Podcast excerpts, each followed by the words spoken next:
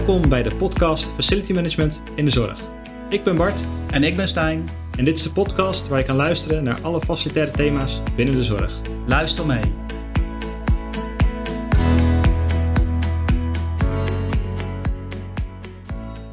Ja, luisteraars, welkom weer bij een nieuwe podcast Facility Management in de Zorg. Bart is er ook weer bij. Hallo. We zijn de zomer goed eh, doorgekomen.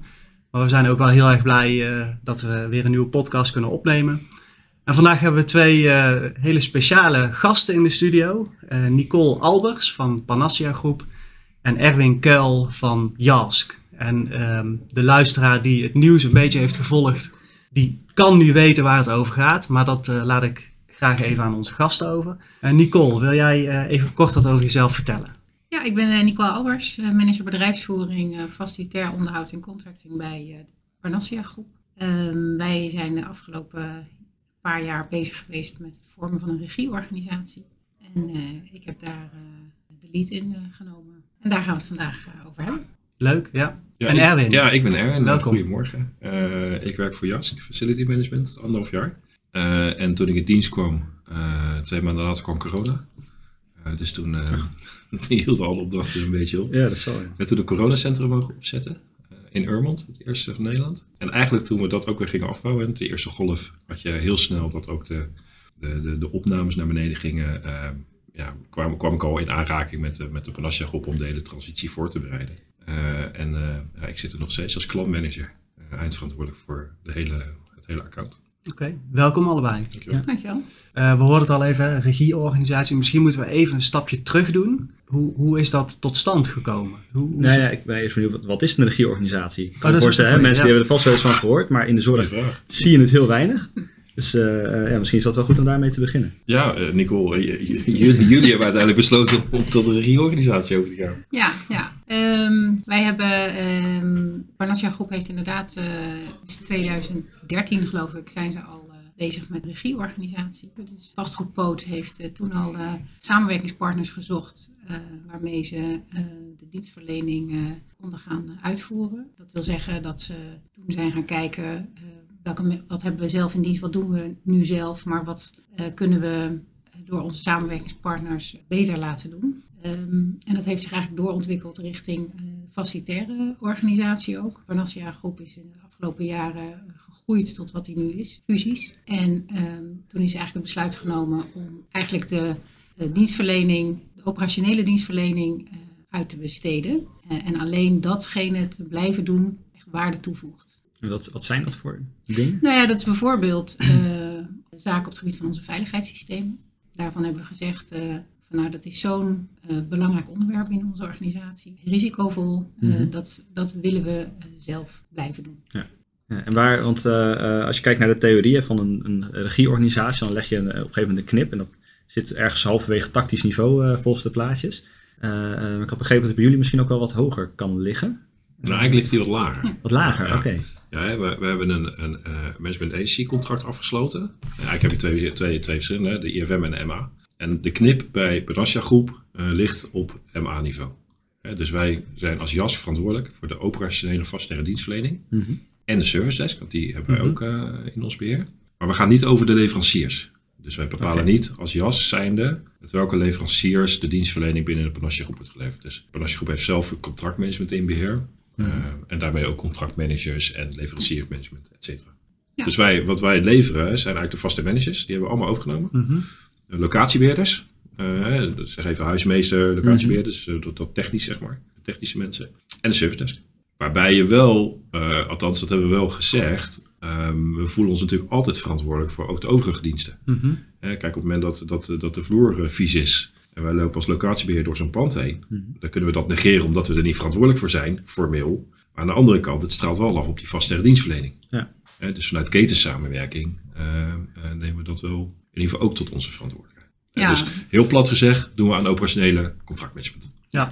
Maar we willen wel gevraagd en ongevraagd advies eh, over eh, de overige dienstverlening. En het is ook wel zo inderdaad wat je aangeeft, hè, van als wij zien dat de vloer vies is, dat wij wel eh, dat er ook contact is tussen facilitair manager en de operationeel medewerkers Ja. van, eh, van de andere samenwerkingspartners. Dus heb je wel gewoon rechtstreeks contact. Ja, Ja, ja. gaat blijven niet, eh, of gaat niet Nee, we de gaan niet contractmanager, contractmanager nee, en, en joh, contractmanager, het gaat daar niet goed, doe Mhm. er wat aan. Ja. En natuurlijk heb je data vanuit je FMIS. eh, Mhm. en dat, dat is ook het gevraagde en het ongevraagde advies. En dat zijn uiteindelijk ook je dashboards die je kunt laten zien. Mhm. Maar dat, dat is data. Eh, En datagedreven eh, dienstverlening, dat is, dat is heel belangrijk. Maar er zit natuurlijk ook heel veel subjectiviteit in. En op het moment dat je rondloopt en het gevoel hebt dat het gewoon niet goed uitziet, Mhm. dan kan het volgens je SLA KPI's misschien allemaal goed zijn. Ja. Maar niet vanuit het de emotie die je in dienstverlening Nee. meeneemt. En daar zijn die locatiebeheerders en die vaste managers, zetten we die daarop in. En we zeggen, we, hebben, ik heb een dienstverleningsconcept geschreven. Dus toen we, voordat we echt begonnen, zeg maar. Mhm. En daar zeggen we eigenlijk dat die vaste manager echt de Haarlem smeerolie is. Die Mhm. zorgt ervoor dat het rijden en zeilen goed gaat. Maar is vooral ook aanspreekpunt voor die zorgmanagers van al die verschillende zorglabels die binnen de Panassia groep zijn. En voor mij als zijn de gesprekspartner voor eh, mijn opdrachtgever, die kon in Mhm. dit geval. En die locatiebeheerders, dat zijn gewoon je oren en ogen. Ja. Die lopen rond en die, die, die zien wat goed gaat, wat niet goed gaat. En moeten dat dan ook tot zich nemen om ervoor te zorgen dat uiteindelijk dingen worden opgelost. Zonder dat ze dat zelf Mhm. hoeven te doen. Ja. En kleine dingen, dat zeggen we ook, kleine regelen het gewoon gelijk. Want Ja, we er ook geen bureaucratische romslomp van maken. En is er een, een keuze dat jullie hem niet hoger hebben gelegd? Dat jullie ook niet de contracten bij JASC hebben gelegd? Contractbeheer? Mm, Nee, dat wilden we zelf blijven doen. Contractmanagement. We wilden zelf eh, invloed houden op met wie eh, werken we samen. En, Ja. Dus dat hebben we in ieder geval zo besloten. Wil Mhm. niet zeggen dat dat voor altijd zo blijft natuurlijk. Maar Nee, voor nu vinden we dat heel belangrijk. Dat we gewoon zelf bepalen met wie we in zee gaan, met wie we samen gaan werken. Waar we overigens wel de hulp, eh, hulp van JASK soms bij eh, roepen. Oh ja. Als het gaat over inhoudelijke kennis over bepaalde vakgebieden bij aanbestedingen. Ja. Ja. Ja, die samenwerking eh, is er wel. Maar we hebben nog zelf samen de, de, de contractmanagers Ja, precies. inkoop. Dat hebben we allemaal zelf beheer. Oké. Ik heb een vraag voor jullie beiden. Was het nou spannend om dit op te tuigen? Hè? Want het, het- we zien het niet vaak in Nederland. Hè? Het, het is nog niet vaak op deze manier ingericht. eh, Zeker voor de zorg. Was het spannend, zowel vanuit de kant van Panassia Groep als JASC, om dit, om dit samen te gaan doen? Nou, dat is een eh, goede vraag. Ja, ja. Nou, het was vooral heel spannend voor de medewerker. Mhm. Ja. Ehm, want die, veel medewerkers werkten al, al jaren bij Parnassia Groep. En nou, die krijgen dan te horen van je blijft hier wel werken, maar je komt wel in dienst bij een JASK. Ja. Mhm. Ehm, Gewoon een commerciële Ja. partij. Ja. Hè, waarbij iedereen gelijk het gevoel heeft, oh dan moet ik keihard werken. Ja. En als ik dat niet doe, dan word ik ontslagen. Want zo, Ja. zo werd het echt beleefd, denk ik. ja, die angst was er Ja. zeker. Mhm. En dan konden wij eh, vertellen eh, dat wij van mening waren dat JASK een, een goede werkgever was. Een, een organisatie Mhm. die verstand had van zaken. ehm, dat ze ook oog voor de mens hadden. ehm, maar mensen blijven het toch heel spannend vinden. Tot Ja. het moment van de overgang is het spannend geweest. Daarna heel snel weg ook? Of? Ja, ik durf dat eigenlijk wel te zeggen. Eh, hè, Je zei van tevoren, joh, je, je mag je jas gewoon verkopen. Nou, dat is niet de insteek. maar ik vind, wel, ik vind echt oprecht dat we dat goed hebben gedaan. Ja. Eh, eh, ja, ik weet dat je het ermee eens bent, maar... Nee, dat klopt. wij- we wij horen zijn- inderdaad go- de, de goede geluiden. Ja. Eh, mensen die, eh, die dan ook inderdaad zeggen, ja, ja, ja fijn om bij JAS te Ja. werken. En, eh, duidelijkheid. Ja. eh, zeker de facilitair managers die blij zijn met eh, je aandacht voor persoonlijke ontwikkeling. Ja. Hm. Ja, als, je, als je heel lang in een, in een soort transitieperiode zit, ja, dan staat natuurlijk persoonlijke ontwikkeling niet Ja. bovenaan Hm, nee. op de lijst. Dus, ja, en er zitten toch wat, ook wat jongere mensen tussen die, eh, nou, die dat wel heel graag, eh, Ja. graag willen. Dus Mhm. eh, ja, die zijn, zijn erg blij. Maar ook gewoon de duidelijkheid. eh, we hebben natuurlijk ook samen opgepakt om samen de, de, de kwaliteit van dienstverlening te verbeteren. En daar zien ze ook Ja. dat er nu stappen in gemaakt worden. Is dat iets wat jullie vooraf hebben gedaan? Want ik kan me ook voorstellen, eh, eh, ik, ik ken niet zo goed de processen die er voorheen waren natuurlijk, maar eh, eh, dat je, als je shit in, shit out, dus als jij daar misschien hele slecht lopende processen overneemt als jas, kan, kan je dat dan wel goed wegzetten? Of, of zeg van nou, we moeten eerst een verbetering en dan nemen we het pas over? Nou, we hebben eigenlijk gewoon gezegd, we nemen het SIS over. Hè? Dus Hm. eh, ik moet wel zeggen, de service desk, die zouden we eigenlijk ook bij 1 januari hebben overgenomen. Maar daar hebben we voor gekozen om dat drie maanden eerder te doen, bij 1 oktober. Dat had onder andere met bezetting te maken. Eh, en eh, wij hadden daar al iemand zitten gedetacheerd. Dus het kwam eigenlijk min of meer toevallig samen om ook de keuze om het 1 oktober alvast over te nemen. Dat heeft achteraf gezien heel veel opgeleverd. Want daar Mhm. kun je processen natuurlijk inhoudelijk alvast gaan Ja. stroomlijnen. Ja. Zonder dat je daar op de werkvloer direct heel veel last van Oh, hebt. Dat hebben we ook samen met, eh met Rien de Vries gedaan. Die is, die is die onder andere verantwoordelijk voor het bedrijfsbureau binnen Panassia Groep. Mhm. als ik het goed zeg. Proces- en prestatiemanagement. Dus dat het natuurlijk net wat anders was. maar gewoon Rien. Ja. En, eh, en we hebben daar heel erg nauw met elkaar eh, opgetrokken om ervoor te zorgen dat die processen gewoon goed werden, werden ingericht. Dat was wel heel veel werk. Want Ja. die waren eigenlijk gewoon wel, maar ja, niet echt geactualiseerd. Of, Nou, niet- of ze waren niet bekend bij mensen. Ja, hè. precies. Dat is natuurlijk ook nog een keer. Je Ja. kunt je zussen goed hebben geregeld. Maar op het moment dat dan in de uitvoering, zowel bij je eigen mensen, dan wel bij je leveranciers, daar in je afmeldingsproces het niet goed inricht, Ja. ja, dan, dan is dat voor je afnemer, in dit geval vaak de zorg, eh een irritant. Maar ik moet ook eens, kijk, toen wij begonnen, of toen ik hoorde dat we heel concreet gingen werken naar eh, de overname van die vaste operationele dienstverlening, dan heb ik een transitieplan geschreven en daar hebben we heel veel focus gelegd op de mensen. Mhm.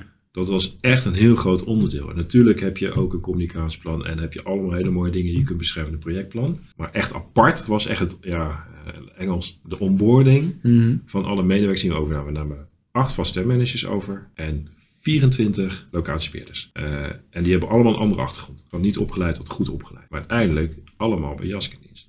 En Jask is dan, nou wat ik net al zei, toch die commerciële partij waar een bepaalde angst voor ontstaat op het moment dat je zo lang Mhm. binnen je eigen CEO met alle secundaire arbeidsvoorwaarden Ja. en de veiligheid die je erbij hebt, wordt overgenomen. Dan heb je nog een ondernemingsraad, de vakbonden vinden er allemaal wat van. Ja. Nou, dat hele proces heeft best wel lang geduurd voordat we een go kregen. Maar de reden waarom we een go kregen is omdat we er uiteindelijk voor hebben gekozen en het hebben kunnen regelen met pensioenfondsen om de hele CEO over te nemen. Dus iedereen die bij ons in dienst is, zit nog steeds onder de voorwaarden van de CEO en ook nog steeds bij zijn huidige of haar pensioenfonds. Oké. Dat geeft heel veel rust. Ja. Blijft dat ook zo voor, eh, voor nieuwe medewerkers? Nee, nee, dus als je nieuw bij ons in dienst Ja. komt bij Jask, dan val je gewoon onder de Jask. Nou ja. eh, eh, ja, we hebben geen CEO, maar Mhm. voorzieningen, zeg Ja, maar. ja. Dus we hebben nu we hebben tien vaste managers rondlopen. De Partasjegroep is zo groot dat je landelijk verspreiding hebt. Eh, hebben we er tien rondlopen. Twee daarvan hebben wij niet overgenomen. Die hebben we dus zelf daarop op ingezet. Ja, die vallen dan onder die Jask-voorzieningen. Maar die transparantie en duidelijkheid hebben we aan de voorkant wel gelijk mee. En eh, nee, we, we hebben het ook al besproken, je ziet het weinig in de zorg. Hebben jullie een idee waar- waardoor dat komt? In de commerciële wereld zie je het volgens mij een stuk meer. Ja, bijna gemeen goed aan het worden voor de grotere jongens. Nou, ik, ik heb wat vaker in de zorg ook gewerkt. Ik geloof niet dat de zorg de meest vooruitstrevende organisatie of branche is als je het Nee. hebt over dit soort ontwikkelingen. En terecht, als ik eerlijk ben. Want er gaat geld om wat je maar één keer kunt uitgeven aan in dit geval je patiënt, aan je cliënt of aan je bewoners. Op het moment dat je dat geld uitgeeft aan innovatieve ontwikkelingen en het blijkt dat het niet werkt, Ja. is dat wel eens gezonde. Ja, zeker, zeker. Wij zijn wel van mening dat we een stuk flexibeler zijn geworden. Ja. En dat we veel beter mee kunnen bewegen met de ontwikkelingen binnen de zorgbedrijven. En doordat we deze stap hebben gezet. Eh, onze opdracht was ook om de, de kosten per patiënt eh, te verlagen. Zodat er Mhm. meer geld naar de Ja. zorg kan. Ja. En dat, dat zijn wel dingen die we met deze stap eh, voor elkaar krijgen. Is dat, is dat ook al gelukt? Zie je al resultaat? Of zit je nog in de, ja, de ontwikkeling, de opstartfase, zover dat dat... eh, Ja, we zitten nog in de, in de opstartfase. Eh, er zijn natuurlijk ook nog eh, zaken als suppletiekosten Ja. en dat soort zaken. mhm. Maar het gaat, het gaat zeker, zeker de goede kant op. Ja. Ehm, als je kijkt dat we van 125 FTE teruggegaan zijn naar 37 FTE met de regieorganisatie. Ja. Ja, dat, dat eh, ziet er wel goed uit. Ja. Eh, en ook door ehm, het verbeteren, het efficiënter maken van processen, kwaliteitsverbetering die we eh, doorvoeren met onze samenwerkspartners. Mhm. We hebben natuurlijk naar JASK uitbesteed, maar ook nog huishoudelijk medewerkers Mhm. naar schoonmaakbedrijven. Ja, nou ja. Ja, dan krijg je natuurlijk ook uniformering van processen. Ja, dat, dat heeft echt wel, eh, gaat wel zijn vruchten afwerpen. Ja. En sterker nog, we hebben al wel wat resultaten van eh, dat processen inderdaad, dat, dat dienstverlening op uniforme wijze uitgevoerd ja, wordt. precies. Ehm, ik hoor een heleboel dingen die eigenlijk wel heel goed zijn gegaan. Hè? Ik hoor Dus, en eh, zie twee enthousiaste mensen.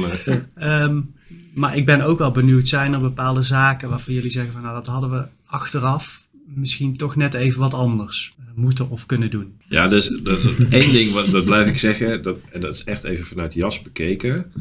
Die zorgbranche, hè, we hadden het hiervoor net al over voordat je microfoon aanging, dat heeft al zijn eigen cultuur. Daarmee ook zijn eigen manier van werken. We hadden het over dat die mensen die we hebben overgenomen heel bang waren voor datgene wat er ging gebeuren. Hè, of een bepaalde angst en goh, ja, eh, blijft het wel fijn voor me. Maar dat gevoel zat ook aan de zorgkant. Want je neemt gevoelsmatig dingen weg. Ja. Hè? Huismeesters, locatiebeheerders die rondlopen, die vaak ook toch door zo'n zorgmanager of een teamleider ook voor andere dingen wordt gevraagd om in te zetten. Dat neem je weg. Dus daar was ook wel angst. Alleen omdat het best wel lang duurde voordat we echt goedkeuring hadden vanuit onder andere de ondernemingsraad In de vakbonden. en de vakbonden om nou ja, de organisatie binnen te mogen komen, Mhm. was het eigenlijk al min of meer 1 januari. Dus als je dat hele transitie aan de voorkant eh, begeleidt, maar je kunt geen contact maken met de zorg, Ja. dan heb je daar daarna gewoon heel veel last van. En dat hadden we. Hè? Door het, ja. je begint toch, ja, ja, je wordt toch een beetje gezien als een soort boeman. Mhm. eh, die de dingen zo anders gaat doen, waardoor de zorg eh, er, er nog meer op achteruit gaat. Gevoelsmatig. Mhm. Eh, en dat had je denk ik gedeeltelijk kunnen voorkomen als we aan de voorkant veel meer in gesprek hadden kunnen gaan Ja. met de verschillende zorgbedrijven. Ja, nee, dat zou zeker kunnen. Hè. Er, er liepen natuurlijk een aantal zaken tegelijkertijd. De start van de ontwikkeling naar regieorganisatie. Voor facilitair, dat eh, is al, eh, nou, ergens in 2016 Mhm. is, is dat begonnen. En Ja. toen was er weer een fusie. Mhm. Eh, dus dan wordt het weer uitgesteld. Ja. Ja, en dat, dat is dan in zo'n traject wel jammer. Dan moeten Ja. mensen natuurlijk heel lang wachten. Dan, dan, dan is er veel ruis in de organisatie. Ook de mensen die het betreft zijn angstig. En die eh, eh, gaan natuurlijk ook verhaal halen. Ja, eh, ja. Bij me- met mensen waar ze al Ja. jaren mee samenwerken. Mhm.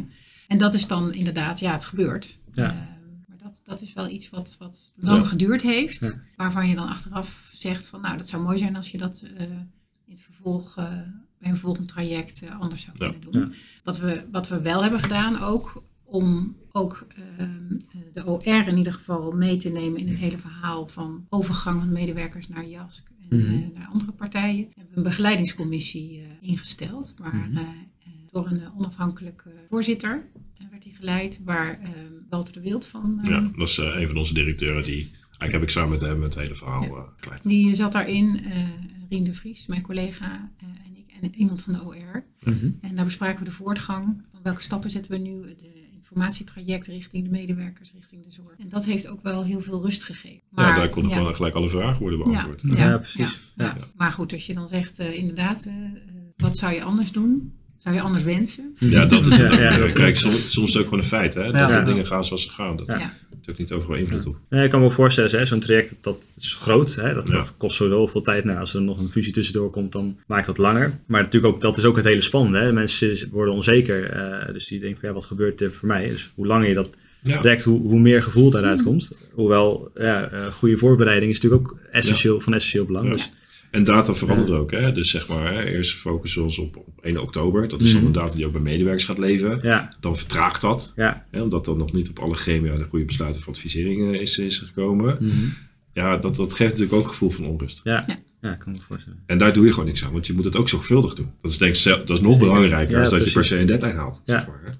Nou ja, we kregen natuurlijk ook corona tussendoor. En we kregen- Ja, Dat, oh dat ja, we, ja. eh, Kijk dan weer We hebben informatie het er bijna niet meer over. Maar dat is. Bijna vergeten. Ja, bijna vergeten. Ja, inderdaad. Maar dan eh, wil je informatiebijeenkomsten organiseren. Ja, oh ja, ja. Ja, en dat gaat dan niet. Dus Nee. dan organ- organ- nemen we webinars op. Eh, Mhm. maar dan moeten wel alle mensen eh, de gelegenheid hebben Ja. om eh, Ja. zo'n webinar te kijken, live Precies. of terug te kijken. Ja.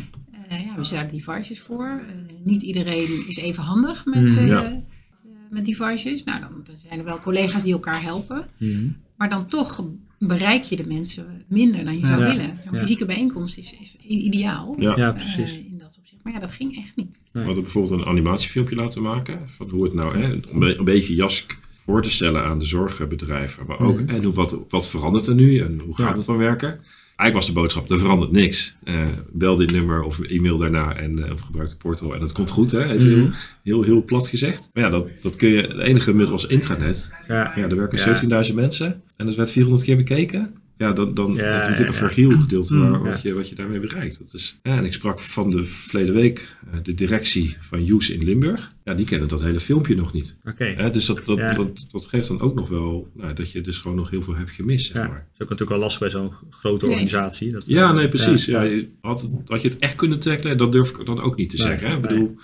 Ja. zeggen we willen het anders doen, maar Ja. had het ook anders Ja. gekund als, als de Ja. volgende vraag. Precies. Het zijn in ieder geval mooie aandachtspunten voor organisaties die eh, met het idee spelen om, eh, om hier ook iets mee te gaan doen. En ik denk dat dat wel, eh, wel Ja. heel waardevol is. Ja. Ja. Ja. Ja, nou ja, dat zeiden we ook. Hè. We, we, we mogen inmiddels ook bij Altrecht GGZ eh, hetzelfde doen. Mhm. Daar hebben we dus heel bewust, voordat we overgingen met alle zorgmanagers, of eigenlijk directieleden, Mhm.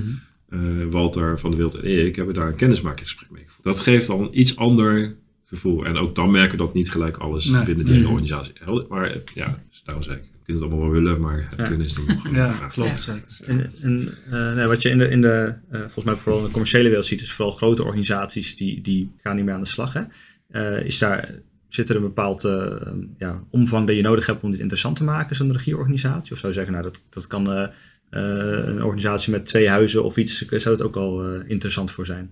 Nou ja, het is sowieso interessant voor die eh, organisatie met twee huizen om erover na te denken. Eh, want de, de reden waarom een organisatie, denk ik, de keuze maakt om uiteindelijk hiervoor te kiezen, is dat ze primair zich willen bezighouden met datgene waar zij goed in zijn. En wij zijn goed in van dienstverlening. Ja. En of het dan voor twee huizen gaat, of voor 17.000 man en, Mhm. en eh, 169 locaties, ja, dat maakt uiteindelijk het Nee. verschil in mijn beleving niet. Natuurlijk zit er altijd kosten-baten natuurlijk onder, Mhm. maar in essentie is dat natuurlijk hetzelfde. Ja, het gaat natuurlijk om welke doelstellingen je hebt. Hè. Wij eh, hadden echt kwaliteitsverbetering van de Mhm. dienstverlening en de flexibiliteit. Ja. Ja, dat, dat is iets wat voor ons bovenaan stond. En Ja. financieel. Ja, dat, dat ook Ja. maar bovenaan, Mhm. kwaliteit Ja, van, eh, ja. Van Ja. dienstverlening. En dat, dat kan je natuurlijk kiezen als organisatie om dat zelf te Mhm. gaan doen. Dan moet je wel weer de, nou ja, de middelen en de capaciteit Ja, en de kennis precies. in huis hebben om Ja. dat zelf Ja. te organiseren. Wij hebben ervoor gekozen om dat eh, met samenwerkingspartners te gaan doen. Dus het is wel echt vanuit de zorgvisie eh, tot stand gekomen, deze keuze. En ik denk ook wel nu dat wij als JASC eh, binnen Parnasgroep dit mogen doen. Mhm.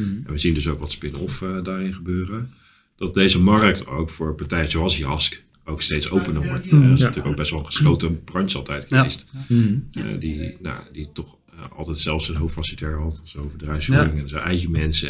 En dan zeggen dat ook nog overal zelf wordt gekookt. Maar ook dat was natuurlijk, ging best langzaam Mm. voordat Ja. dat op een Ja. bepaalde manier veranderde. Want ik, ik merk wel vaak als ik het heb over überhaupt dingen uitbesteden, hè, dat dat heel vaak, eh, ja, we moeten wel de kennis zelf in huis houden. Dat dat altijd een, eh, het, het punt is om, eh, om toch maar dingen niet uit te besteden. Ja. dan bang zijn dat ze alle, alle know-how zeg maar, Ja. verliezen. Is dat iets wat jullie hebben ook wel bewust gekozen om contractmanagement te, te behouden? Is dat, is dat ook vanuit die insteek gedaan? Of, of hebben jullie daar ook concreet over nagedacht? Eh, nou ja, wij, wij hebben, wij hebben de keuze gemaakt datgene waar we echt waarde toevoegen om het zelf te doen, Ja. dat houden we zelf. Ja, precies. Eh, kennis, wij halen juist de kennis, de actuele kennis van onze samenwerkingspartners. Ja. Hè? Want we hebben natuurlijk schoonmaak, we hebben voeding, Mhm. eh, facilitair management, algemeen JASC. Mhm.